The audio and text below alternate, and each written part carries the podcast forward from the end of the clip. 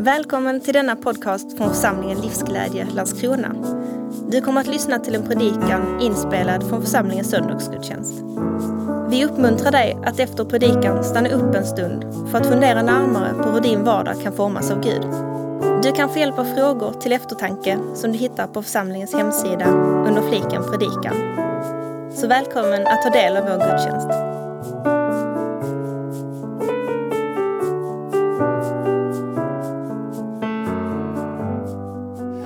Förra veckan så ehm, var temat kring just det här bibelordet eh, vi läste eh, inledningsvis i den här gudstjänsten från andra Korintierbrevet, första kapitlet om barmhärtighetens fader och all trösts Gud. Och hur vi kan få ta emot det som människor och leva ut det. Och det där kan ju ställa oss inför olika saker, men eh, det är vackra ord om vem Gud är och hur Gud vill visa sig för oss människor. Och nu ska vi gå till en annan text, men tonen är liksom anslagen. Så Matteus evangeliet, det tolfte kapitlet. Så här står det. Vid samma tid tog Jesus vägen genom sädesfälten på sabbaten. Hans lärjungar blev hungriga och började rycka av ax och äta. Fariseerna såg det och sa till honom, se, dina lärjungar gör sånt som inte är tillåtet på sabbaten. Han svarade, har ni inte läst vad David gjorde när han och hans män blev hungriga? Han gick in i Guds hus och de åt upp skådebröden som varken han eller hans män hade lov att äta utan bara prästerna. Eller har ni inte läst i lagen att prästerna i templet på sabbaten bryter mot sabbaten utan att bli skyldiga till något brott? Men jag säger er, här finns det som är större än templet. Om ni förstod vad som menas med barmhärtighet vill jag se och inte offer så skulle ni inte döma oskyldiga. Ty människosonen är herre över sabbaten. Sedan gick han därifrån och kom till deras eh, synagoga. Där fanns en man med en förtvinad hand. De frågade Jesus, är det tillåtet att bota på sabbaten? De ville ha något att anklaga honom för. Han svarade, av någon, om någon av er har ett får och det faller ner i en grop på sabbaten, griper han då inte tag i det och drar upp det? Hur mycket mer värd än ett får är inte en människa? Alltså är det tillåtet att göra gott på sabbaten. Sedan sa han till mannen, håll fram din hand.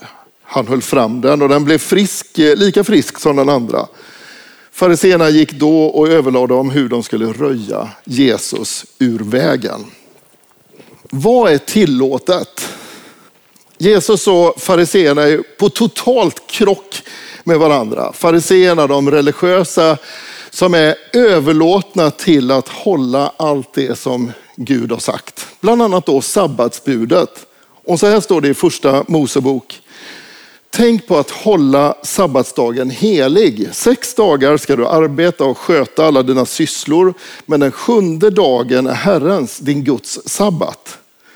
Då ska du inte utföra något arbete, varken du eller din son eller din dotter, din slav eller din slavinna, din boskap eller invandraren i dina städer.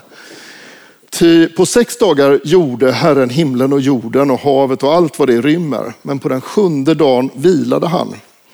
Därför har Herren välsignat sabbatsdagen och gjort den till en helig dag. Så står det i Moseböckerna om, om sabbatsbudet och anledningen till det en dag att eh, uppmärksamma sitt verkliga ursprung. Att det finns en Gud som vill våra liv, har skapat oss till gemenskap med varandra människor emellan och med Gud själv. Att tillhöra Gud. Och när man läser i skapelseberättelsen i första Mosebok så är den sjunde dagen när Gud vilar människans första livsdag. Gud har skapat människan och första dagen som människan vaknar till liv och ska leva livet är en dag tillsammans med Gud.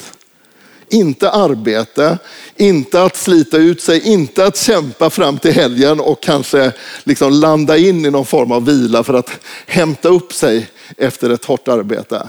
Utan det börjar med vila och närvaro inför Gud.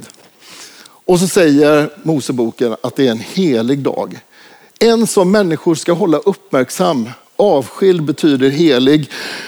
Och det är att göra det liksom riktigt betydelsefullt för en. En dag för att uppmärksamma gudstillhörigheten, tillbedjan, påminnas om det verkligt viktiga i livet. Vad Gud har gjort, vem Gud är. Uttrycka sin längtan i den relationen, ta ut riktning för det som ligger framför i arbete och ansträngning. Fariséerna och Jesus krockar ju onekligen med varandra i den här texten.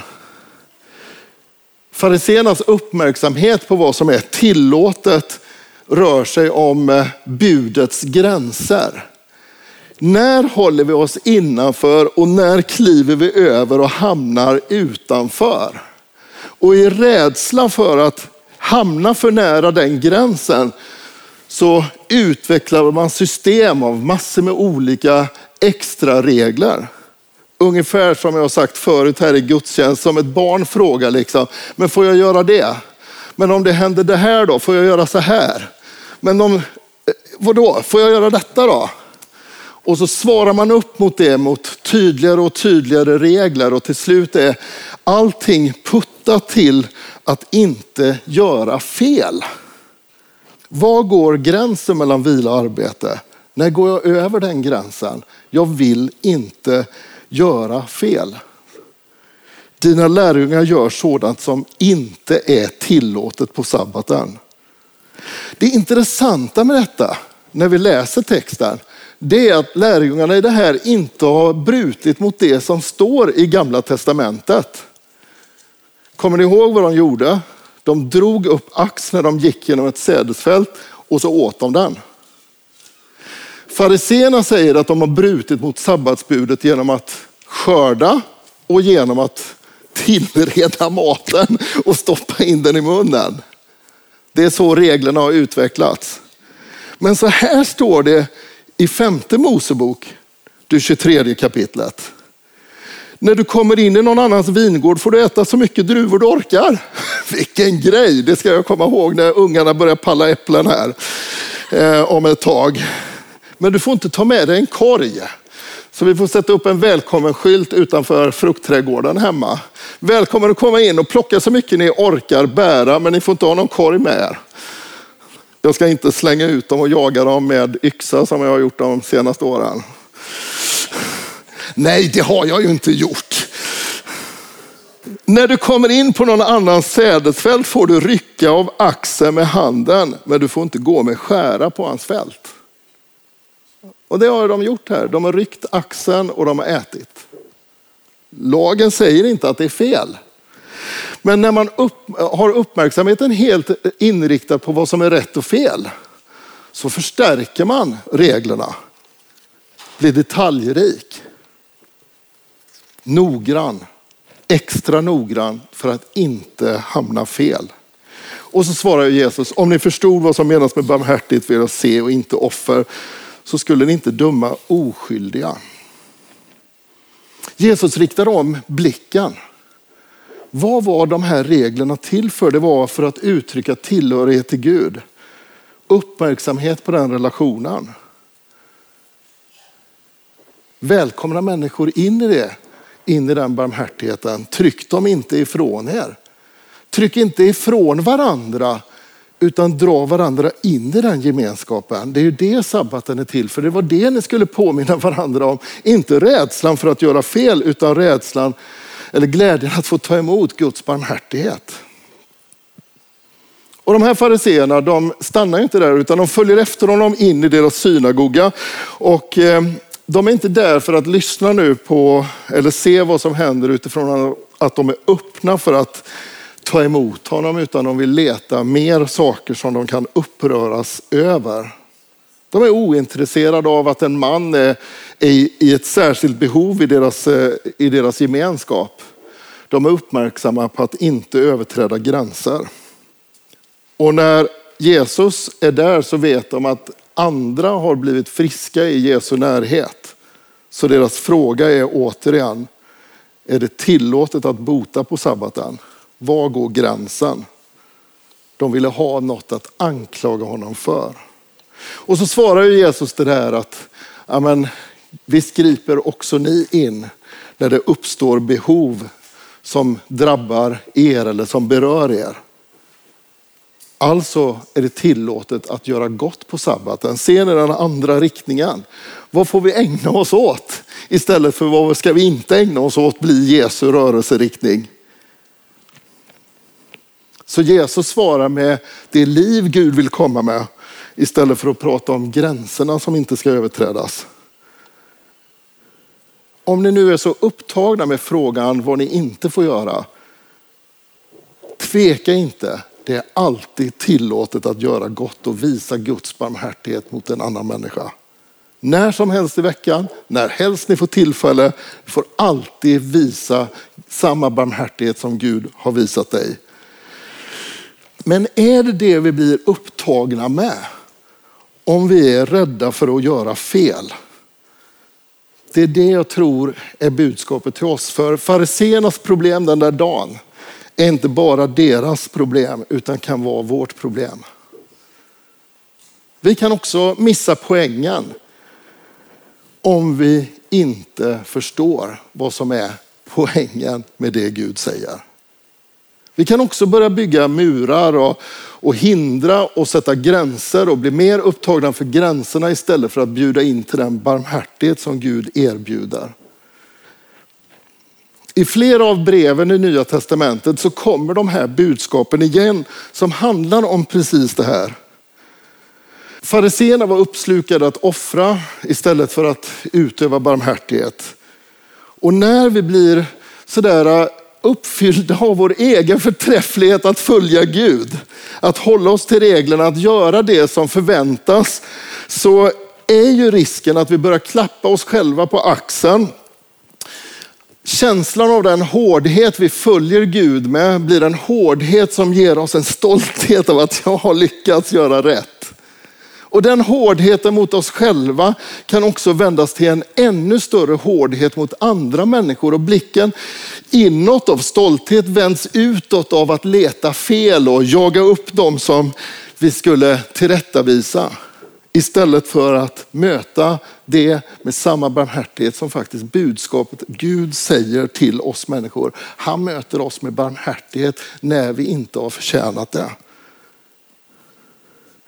Men risken är ju också att när vi har blivit hårda mot oss själva och hårda mot andra och sen upptäcker att det inte håller samman riktigt för oss själva.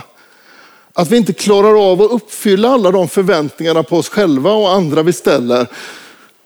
Så finns en risk att det uppstår en, annan skillnad i våra liv. Att vi förblir hårda mot andra men accepterar Guds förlåtelse när det gäller oss själva. Ja, jag gör fel här, men det, det, Gud, tack för att du är nådig och barmhärtig mot mig. Och det tar jag emot då, liksom vill ge mig själv andra spelregler på insidan samtidigt som jag håller upp en sträng ton mot andra på utsidan och aldrig erkänner mina egna tillkortakommanden. Vi ger oss själva liksom andra spelregler. Och Jakobsbrevet beskriver det här för att fånga människors uppmärksamhet när de har börjat göra skillnad på andra människor i församlingen och sig själva i förhållande till andra människor. Där han lägger betoningen på att uttrycka tron genom barmhärtighet mot varandra och kärlek mot varandra. Han säger så här. Om ni uppfyller lagens kungsbud, det som enligt skriften lyder, du ska älska din nästa som dig själv. Ja, men då gör ni ju rätt. Men om ni gör skillnad på människor begår ni synd. Och lagen stämplar er som överträdare. Den som håller hela lagen men överträder ett enda bud har brutit mot dem alla. För han som har sagt du ska inte begå äktenskapsbrott har också sagt du ska inte dräpa. Om du inte bryter äktenskap men dräper är du en lagöverträdare. Tala och handla så som den som ska dömas efter frihetens lag. Domen blir obarmhärtig över den som inte har varit barmhärtig, men barmhärtigheten triumferar över domen. Här lyfter ju Jakob två stycken, eller ett par andra bud. Först det där övergripande budet som du känner igen från Jesus, att, som eh, hör samman med att älska Gud helhjärtat och sen låta det ta sig uttryck i hur vi möter varandra. Älska din nästa som dig själv. Och så ställer han det mot, mot två av lagens andra bud och så säger han att ja, men vi kanske håller det ena men inte klarar av ett av de andra. Vi skulle kunna lägga in sabbaten här, vi skulle kunna lägga in massor med andra saker här. Vi klarar något men fixar inte hela vägen. Vi står där alla med brist. Och tron på Jesus det är att vi döms efter frihetens lag. Den är att Gud frikänner för att Jesus bär vår bortvändhet. Inte för att vi klarar av att göra allt rätt. I allt som vi bärar av så hänger inte livet alltid samman. Vi klarar inte av att fullfölja det vi förstår är rätt eller leva ut det så som vi förstår att Gud tänkt. Och då säger Gud, han frikänner.